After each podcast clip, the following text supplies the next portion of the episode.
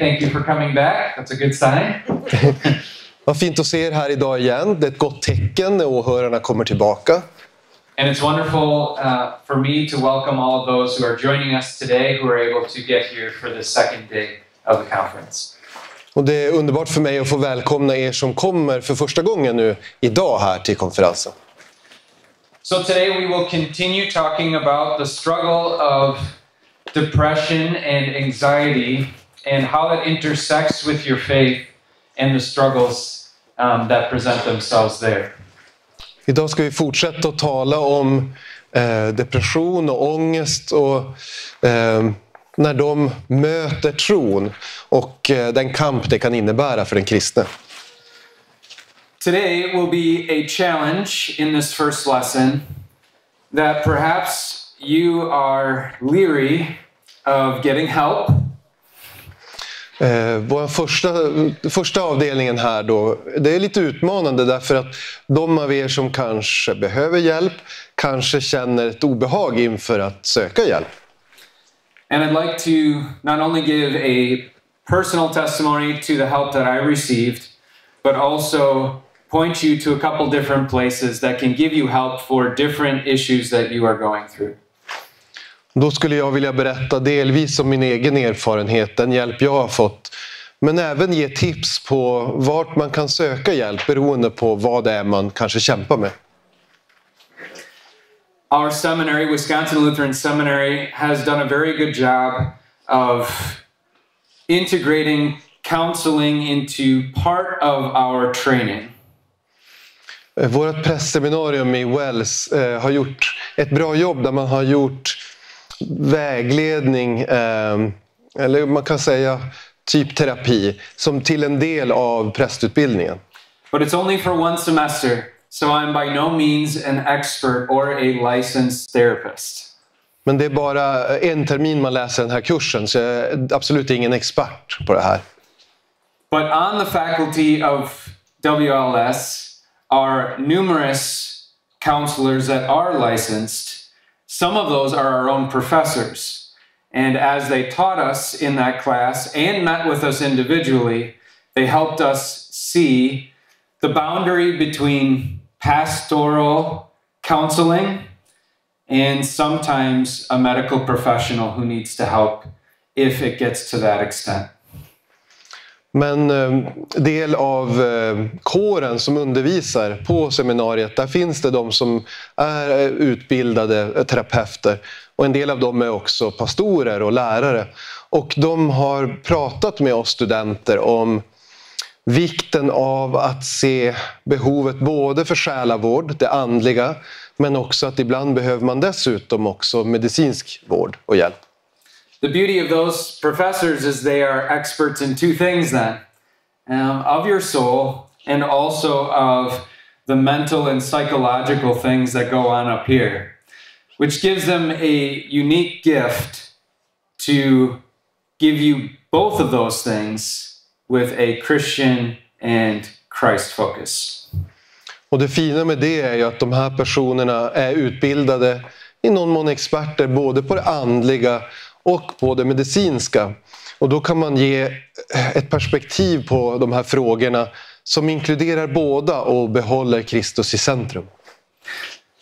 When I was in my first year of seminary, uh, one of these professors had pulled me to the side because he could tell that I was burdened more than many of the other students that were there. Redan under your first semester, redan under första terminen så var det en av de här professorerna som tog mig åt sidan för han märkte att jag hade det tufft på ett annat sätt än många av mina klasskompisar. I was able to start meeting with Professor Siegel Coe, who I still credit um, for saving my life during that time. Eh, Och då ledde det till att jag började ha regelbundna samtal med professor Siegel Coe som jag nu i efterhand tänker hjälpte till att rädda mitt liv under den här tiden. Not only did he encourage me to go to um, a parasynodical organization called Christian Family Solutions, which is connected to the Wells and helps train Christian counselors throughout the United States. Han uppmuntrar mig dels att söka hjälp och stöd hos Eh, en kristen organisation med band till Wells som utbildar terapeuter. And while I was there, I met with a psychologist who had me take these military grade tests so you can't cheat. and I had to answer hundreds of questions that test your brain. And these were originally drafted so that people couldn't get out of the draft in America. Och bland annat så fick jag möta en man där som eh, utsatte mig för vissa prov. Jag fick göra prov som militären hade tagit fram. Psykologiska prov med massor av frågor. Som var utformade för att det skulle vara väldigt svårt att fuska. Man skulle inte kunna låtsas inte kunna göra militärtjänsten. Utan man skulle liksom bli avslöjad om man inte var ärlig. And after taking that test and meeting with the psychologist he sat me down and, and looked me eye to eye and said, You have very severe depression. And my reaction was, Yes. Och efter att jag hade gjort klart alla prover så satte den här psykologen sig öga mot öga med mig och så sa han, du lider av en mycket djup depression. Och min reaktion var, ah, oh, vad bra. And the reason it was, vad bra, is because the way I felt was so intense that if that was the way I was always going to feel, or if that was the normal human experience, that was terrifying. So to find out that it was abnormal and it was serious depression, that I wasn't, it wasn't just in my head, well, it was in my head, um, that was very comforting to me. Och anledningen till att jag kunde finna glädje i det, det var att om han istället hade sagt Nej men du mår som människor gör, det är inget konstigt med det. Det här är normalt. Förvänta dig att alltid må så här. Då hade det varit för tungt att bära. And that was the beginning, a happy moment, but a long road of talk therapy and eventually to medication that I was able to take for probably about three and a half years, and a process through therapy and through counseling and through spiritual guidance that helped me feel much better. Och det kan man säga var första steget, början på en, en lång väg som har varit fylld av själavård, av terapi, men också av medicinering under, under ungefär tre och ett halvt år som har hjälpt mig att idag må mycket bättre än jag gjorde där och då. And at that time too, I was I was very leery of taking any any medication, and I understand if you are too. But he described it to me this way in my situation that I had dug myself into such a deep hole of negative thinking. Any talk or help he would give me, I would be unable to respond to it at that time because I was in such a deep pit. Och jag vid den tiden var ganska tveksam till att ta medicin. Och alltså jag förstår om en del av er känner likadant. Men han förklarade för mig att jag var så djupt nere, jag hade grävt ett sånt djupt hål med negativa tankar och skapat en så negativ bild att terapisamtal där, det, det skulle inte hjälpa mig. Jag skulle inte vara mottaglig för det. So du described the medicine as something that would put me back on a level plane so that I would have a much easier time creating healthy habits of how to think, feel, and consider myself, especially in light of the gospel. Och därför sa han att medicinens roll är egentligen att lyfta dig upp ur den här gropen till något, någon typ av normalläge så att man orkar jobba med att förändra sina tankar, eh, sitt beteende, sitt sätt att se på sig själv och sitt sätt att lyssna på Guds ord. Sen throughout that uh, second semester, as I'm now taking this medication, which takes a, long time, and sometimes you have to switch to find one that works. This one took about one month to start kicking in and three months to really have a serious effect. But during that time, I'm also receiving this talk therapy and spiritual counsel from Professor Siegelko. Och det kluriga med de här medicinerna är att det tar ett tag för dem att verka. Ibland kan man behöva pröva mer än en sort innan man hittar rätt. Efter ungefär en månad började den verka men det tog tre månader innan man kände, att jag liksom kände av en riktigt positiv effekt. Under den här tiden så fick jag också samtalsterapi, själavård och stöd av eh, professor Siegelko.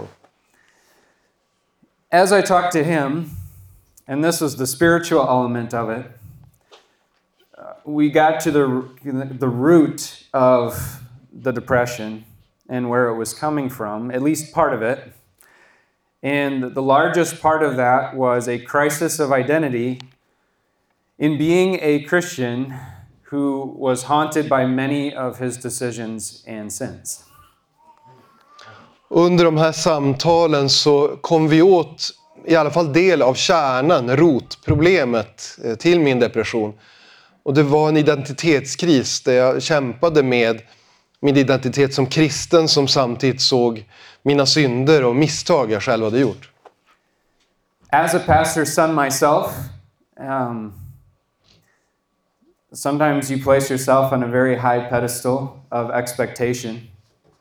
And then when you fall and you fall hard and you make decisions and, and bad decisions um, repeatedly, and you knew full well that they were bad decisions, then it leaves you in an even more guilty place because I had no excuse. And so then when I faced myself, I couldn't stand it. And this is what I was realizing is I was I was sick sick at looking at myself because of the hypocrite I saw in the in the mirror. Jag som är son till en pastor vet att det är lätt att sätta för höga krav på sig själv.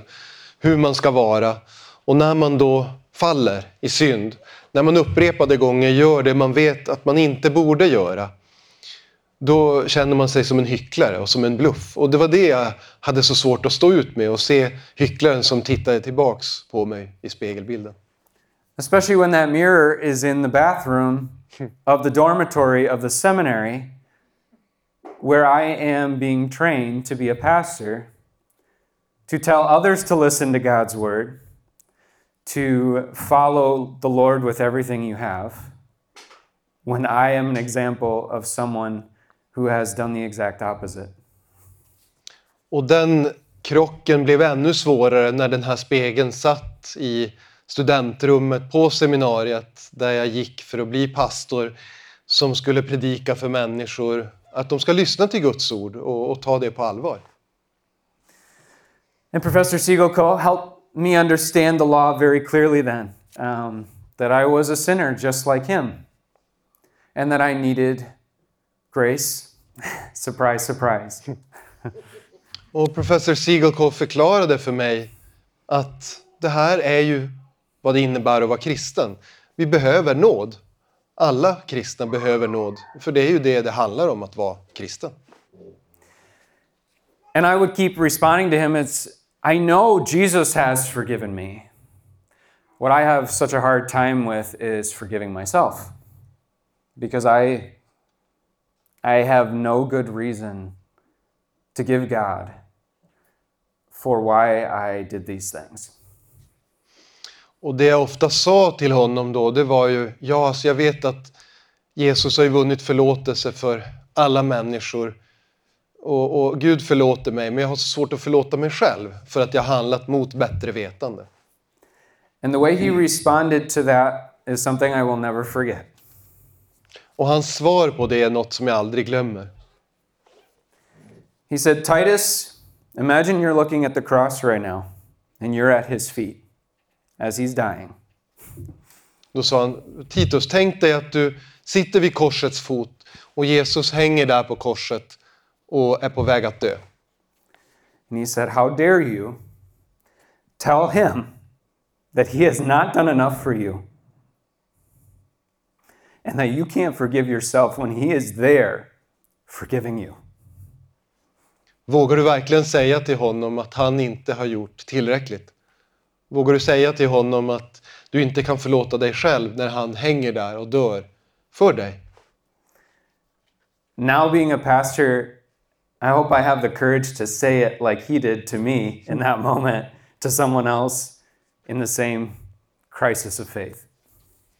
Nu när jag själv är pastor så hoppas jag att jag har modet att, att uttrycka mig så till en annan person som genomgår en kris i tron.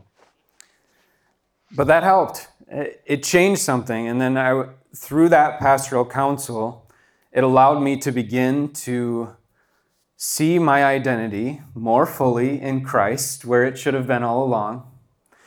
And then to gradually rebuild strength as the gospel filled me, as this medicine was helping me not always think negatively, and then also through the constant encouragement of the faculty and so many others of the grace of God. Det hände någonting där och då. Det förändrade mitt sätt att se på mig själv. Jag kunde gradvis börja se mig själv i Kristus. Ehm, hitta min identitet i det sätt som Jesus ser på mig som kristen. Eh, vilket jag borde ha gjort hela tiden. Och med själavårdande samtal, med uppmuntran från lärarna på seminariet, med hjälp av medicinen som jag tog, så, så började en, en resa på väg mot ett bättre liv.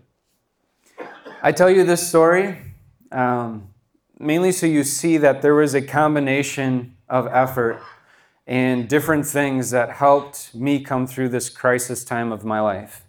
It was a combination of pastoral counsel, of therapy, and of medication that helped take care of my physical, mental, and spiritual well being.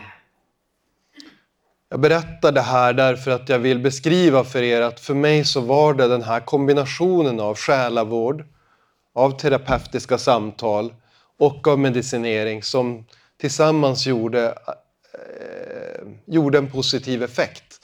Och att med hjälp av det så kunde jag också se att nåden gäller även mig.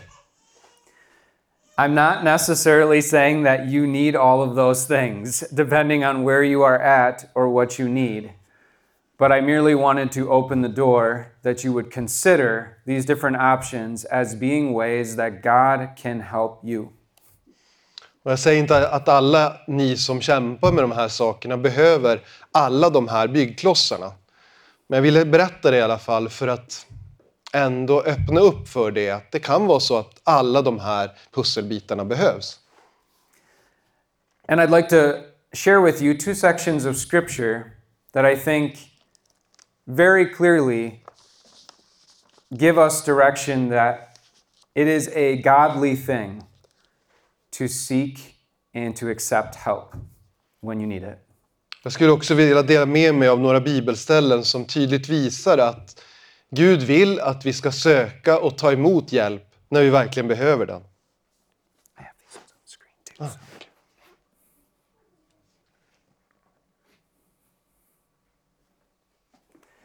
I also call this part recognizing God's angels. Yes, the angelic and heavenly beings that God sends to help us behind the scenes that may look like humans or may be working and you never realize that they are there, but also the angels, the messengers God sends to you through the people sitting right next to you and those in our world that God uses with their gifts. Den här delen, del 4, kallar jag för Känn igen Guds änglar.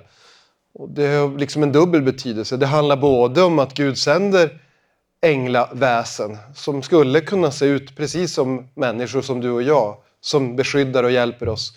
Men det handlar också om att känna igen och se dem omkring oss som vill oss väl och vill hjälpa oss. So the first section we'll read from comes from the Gospel of Matthew, chapter 4, verses 1 through 11, and I'll put the Swedish up in front of you and I'll read the English for you. Ja, ni kan följa med här. Här har ni den svenska texten så kommer han att läsa på engelska. Took the wrong one.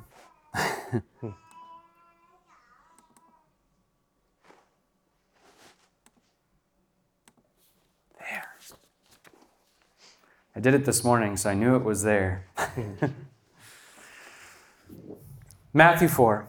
Then Jesus was led by the Spirit into the wilderness to be tempted by the devil. After fasting 40 days and 40 nights, he was hungry. The tempter came to him and said, If you are the Son of God, tell these stones to become bread. Jesus answered, It is written, Man shall not live on bread alone, but on every word that comes from the mouth of God. Then the devil took him to the holy city and had him stand on the highest point of the temple. If you are the Son of God, he said, throw yourself down, for it is written, He will command His angels concerning you, and they will lift you up in their hands, so that you will not strike your foot against a stone. Jesus answered him, It is also written, Do not put the Lord your God to the test. Again, the devil took him to a very high mountain and showed him all the kingdoms of the world in their splendor. All this I will give you, he said, if you will bow down and worship me. And Jesus said to him, Away from me, Satan, for it is written, Worship the Lord your God and serve him only. Then the devil left him, and angels came and attended him. Hold on to that last phrase for one second, and we'll look at one more section about Jesus. Um, sorry, can I just read the, the last part Yeah. was missing? Um, Oh, yeah, I missed that. eh, jag tänkte bara läsa vers 11, för jag tror inte den kom med här. Då lämnade djävulen honom och änglar kom fram och betjänade honom. Eh, Håll den versen i minnet ett tag.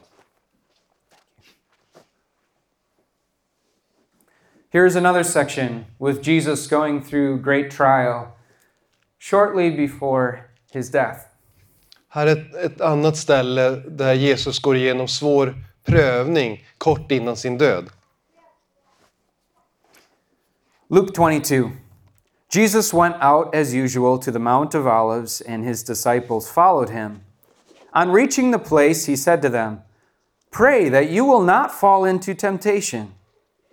He withdrew about a stone's throw beyond them, knelt down, and prayed, Father, if you are willing, take this cup from me. Yet not my will, but yours be done.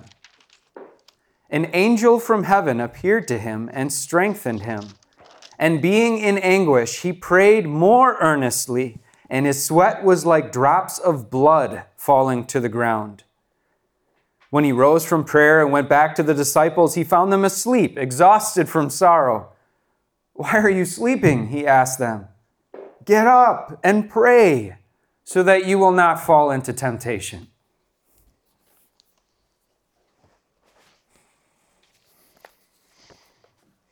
Here's my question for you Jag har en fråga till er. Why did the angels come to attend Jesus? Varför kom änglarna för att betjäna Jesus?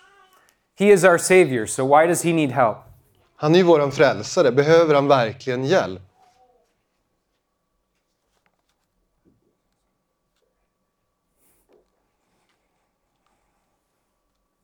Han har människonatur. Han har människonatur också, säger Stefan. He has uh, human nature. And that's very true. He's a perfect man, fully human, who needs help. Och det är sant. Han är en fullkomlig människa, utan synd, som behöver hjälp. And that's okay. Och det är okej att behöva hjälp. He's still perfect. It's not imperfect for him to have help from angels. It doesn't mean that he any less fulfilled his perfect life for us as human beings. Och det är ingen brist hos honom att han fick hjälp eller att han behövde hjälp. Han är fortfarande våran syndfria och fullkomliga frälsare som uppfyllde lagen till fullo. And think how often you think in your brain, I need to be perfect for my family. I need to always be there. I need to be the strong one. I can't have issues because I need to take care of them. I will not be enough for them if I ask for help. Tänk hur ofta vi människor tänker Jag måste vara fullkomlig för min familjs skull. Jag måste vara stark så att jag kan stötta dem. Jag kan inte ha egna problem, jag har inte tid med det. Jag måste vara stark för andras skull. Jag har inte tid att erkänna att jag behöver någon hjälp. What the perfect man shows us is that it is perfectly okay to ask for help. God has made human beings to get help from one another. We are the body of Christ. Och därför visar den oss att det är inte bara så att det är okej okay att ta emot hjälp. Vi är gjorda för att hjälpa varandra, komplettera varandra, stötta varandra. Och det är så vi blir och är Kristi kropp. And how much more for us who are far less perfect. Det här är ju ännu mer sant för oss som är långt ifrån fullkomliga. If the perfect man showed us that it's okay. Om den fullkomliga människan visade oss att man får ta emot hjälp. I don't messed that, I messed that up. No, you're good. I just was stopping myself from saying something that could be wrong. So I was be careful. I'm going to say, could, well, I'll just say it. Could we even say that it is sinful if we refuse to get help when that is exactly what God intends for us to do? Kan vi till och med säga att eh, det blir syndigt att vägra ta emot hjälp när Gud vill att vi ska få hjälp? I say that's a risky statement to ja, say. Det, det kanske lite på gränsen. Jag vet inte hur ni tänker kring den. But I think it changes the conversation that we often have in our head, where we think it's wrong for us to get help. When I would push the conversation the other way to say, it's probably more dangerous to continue to think you can do things on your own. Men jag vill att det i alla fall ska hjälpa er att vända på perspektivet. Att istället för att tänka att Guds vilja är att jag ska härda ut i ensamhet och tiga och lida så kanske hans vilja istället är att jag ska ta emot hjälp, söka hjälp eh, som han erbjuder. If even Jesus had angels come to attend him in these situations, don't you think that there are times that qualify in your life for angels to assist you? Om till och med Jesus tog emot hjälp från änglar, tror du inte att det finns tillfällen i ditt liv där du eh, är kvalificerad, är värd sådan hjälp? Hebrews 1:14 says, Are not all angels ministering spirits sent to serve those who will inherit salvation? Nu blir jag ju lite avslöjad här för eh, Anders kan ju de flesta bibelställen utan till, men jag måste slå upp här. Hebreerbrevet 1 och... Eh, I did notice that 14. yesterday. I was well done. Yeah, quite impressive.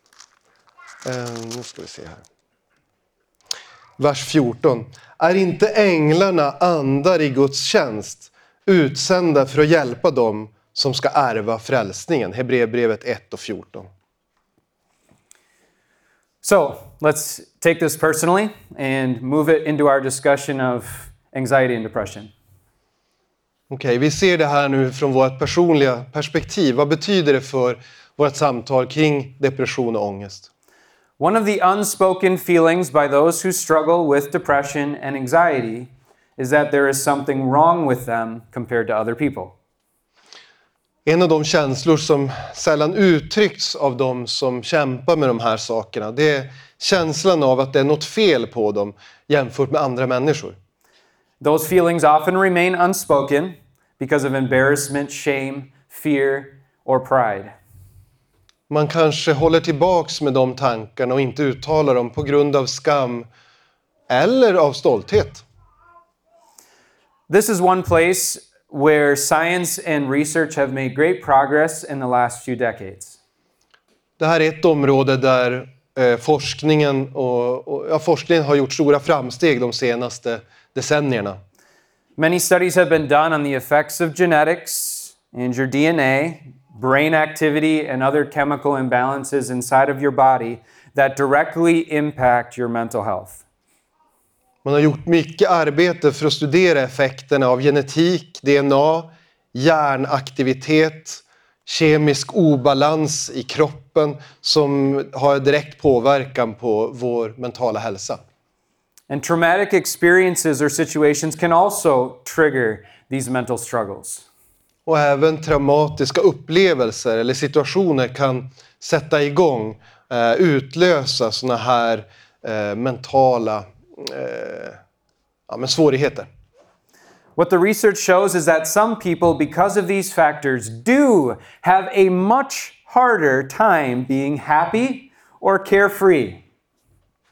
Och det som forskningen visar är att vissa människor på grund av de här fysiska faktorerna har mycket svårare att känna glädje eller att lägga oron åt sidan. In other words, to those of you and your family who struggle with anxiety and depression, research says what you feel is real. It is harder for you. You are at a disadvantage chemically or psychologi- psychologically. Så det forskningen säger till dig som själv kämpar med de här sakerna eller har en närstående som kämpar med dem, det är att ni har det svårare. Du har ett... ehm, du, har, du ligger efter när det gäller att kunna eh, känna glädje och känna sig som alla andra. So, as hard as that reality may be to swallow, for those who struggle with these disorders and for you who love them, it opens the doors to getting help. Så även om det kan vara svårt att höra och svårt att acceptera så innebär det också att det öppnar dörren till olika typer av hjälp som man kan få. Here are some different ways that God may help you. Låt oss lista några sätt på vilket Gud kan hjälpa dig. One more list. Här kommer en till sån här lista. Number one, some simply need a huge amount of love and support from family and friends. They need assistance until they are mentally ready to take on the normal activity that uh, or any additional stress. En del behöver helt enkelt oerhört mycket kärlek och stöd från familj och vänner. De behöver stöd tills de är mentalt redo att, att, eh, att axla liksom normal aktivitetsnivå, det som är normalt för andra. Eller nya stressiga situationer. Two, some may need means to adapt with genetic or personality uh, issues through counseling and mental methods. Eh, vissa, nummer två på listan, vissa kan också behöva hjälp med att anpassa genetiska faktorer eller delar av sin personlighet. Och det kan ske genom terapi eller... Eh, what do you mean by mental, methods? Ways to think yourself Yeah. maybe. Eller hjälp med att, hur, e- sina egna tankemönster. Yeah, coping mechanisms, way to think through a situation, mental methods. Ja, precis. Eh, sätt att tänka. Alltså, låt, låt, låt säga att man tycker att det är jättejobbigt att komma till ett läger. Det är så mycket folk. Då måste man prata med jättemånga människor. Då kan man liksom lära sig hur ska jag tänka när jag hamnar i en sån här situation där jag vill vara men som samtidigt är läskig. Visst är det Yeah. KBT? Tack. Three, others may need supplements or medications to offset that chemical imbalance in the body. This allows individuals who struggle with these disorders to finally fight on a level playing field. Och andra kan behöva tillskott eller medi- medicin för att balansera de här kemisk, den här kemiska obalansen som finns i kroppen. Och då kan man få en ärlig chans att umgås på lika villkor, fungera på lika villkor som andra. Four, everyone needs to spend more time than ever before reading the Bible and talking to God in prayer. Every person will be affected by it as the Lord speaks into that storm like nothing else can. Och alla behöver ägna mer tid åt att lyssna på Guds ord och tala med Gud i bönen. Alla människor kommer att bli påverkade och hjälpta av det när Herren talar rakt in i stormens öga där man befinner sig. You are demonstrating a very mature understanding of who you are when you recognize that you may need outside assistance to get through a situation. Du uppvisar eh, en mogen förståelse av vem du själv är när du inser att du kan behöva hjälp utifrån för att ta dig igenom den här situationen du är i.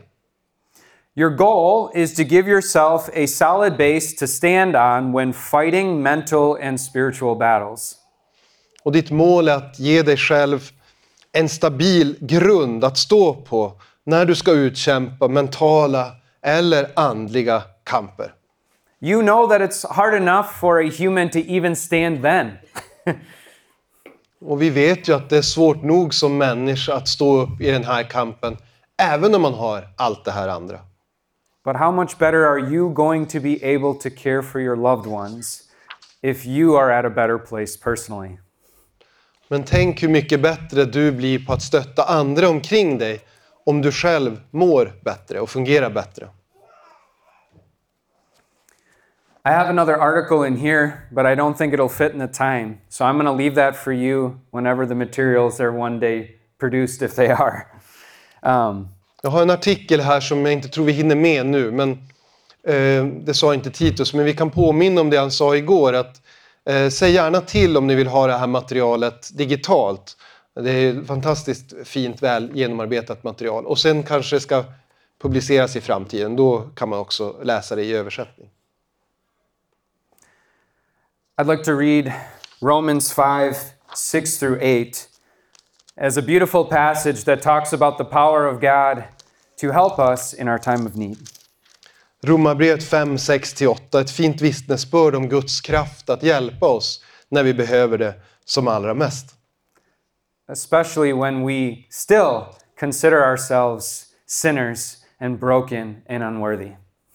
Särskilt när vi fortfarande ser oss själva som syndare, som nedbrutna. You see, at just the right time, when we were still powerless, Christ died for the ungodly. Very rarely will anyone die for a righteous person, though for a good person, someone might possibly dare to die. But God demonstrated his own love for us in this while we were still sinners, Christ died for us. För när tiden var inne, medan vi ännu var maktlösa, dog Kristus i de ogudaktigas ställe. Knappast vill någon dö ens för en rättfärdig. Jo, kanske vågar någon dö för den som är god. Men Gud bevisar sin kärlek till oss genom att Kristus dog för oss medan vi ännu var syndare. All of you are sinners by nature, and you continue to struggle against that sinful nature. But all of you are also saints, being remade and loved by God on a daily basis. Alla ni som sitter här är syndare och ni kämpar en daglig kamp mot synden och frestelsen. Men alla som ni som sitter här är också helgon. Och den helige Ande återskapar er varje dag genom, genom sitt ord eh, till att bli mer lika Kristus. One little faith check before we close here in the next couple minutes. Faith check. Faith check. Oh, wow! Eh, nu ska vi ha lite trosprov här innan vi går vidare till nästa, nästa del. Det här blir spännande. I wasn't gonna actually. Oh, okay. Sorry. That's all right. So maybe still at this point you think that um, everything I said is doesn't apply to you, and, and maybe it doesn't, and that's okay. And you're just gonna snap out of your bad feelings. Så ni som sitter här kanske känner så här, ja men allt det du har sagt, det gäller inte mig. De svårigheter jag har, det, det kommer bara gå över av sig själv. And here's the faith check. I just want to be sure that that's not because of pride and arrogance. Och här kommer den här provfrågan. Jag vill bara göra, eh, förvissa mig om att det inte beror på stolthet eller arrogans.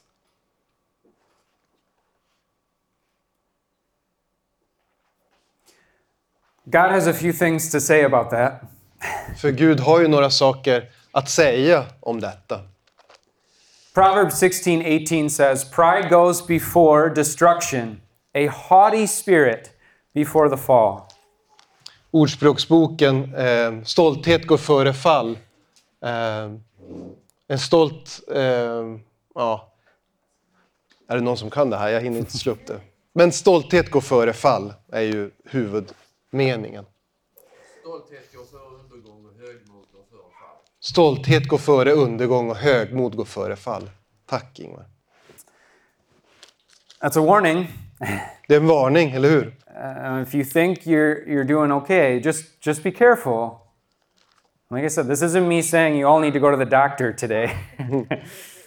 Det är en varning det här, alltså, om man tänker sig äh, det är ingen större fara. Och lägg märke till, jag menar ju inte att alla ni behöver söka vård imorgon, när ni, eller på måndag när ni kommer hem. just watch out for pride. Men se upp för, för stoltheten. James 4:10 says, "Humble yourselves before the Lord, and he will exalt you." There is nothing greater than to fall on your knees before God and admit that you struggle with things so that God may lift you up from your pit. Och i Jakobs brev 4.10 står det Ödmjuka er inför Herren så ska han upphöja er. Det finns ju inget bättre än att överlämna sina problem och sin kamp till Herren. In those statistics we heard about men being two times or three times less likely to admit that they struggle with anxiety or depression. I think part of it comes from their unwillingness to admit that they can't handle it because they feel less manly. Vi pratade ju statistik igår och då såg vi att män är två eller tre gånger mindre, det är mindre troligt att de söker hjälp. Och det här kan vara en anledning, att man är stolt och tänker att det är omanligt att behöva stöd eller hjälp. 1 Corinthians 10 12 through 13 says, So if you think you are standing firm, be careful that you do not fall. No temptation has overtaken you except what is common to mankind. And God is faithful. He will not let you be tempted beyond what you can bear, but when you are tempted, He will also provide a way out so that you can endure it.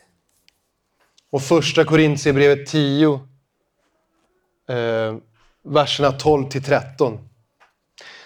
Därför ska den som tror sig stå se till att han inte faller. Ingen annan frestelse har drabbat er än vad människor får möta.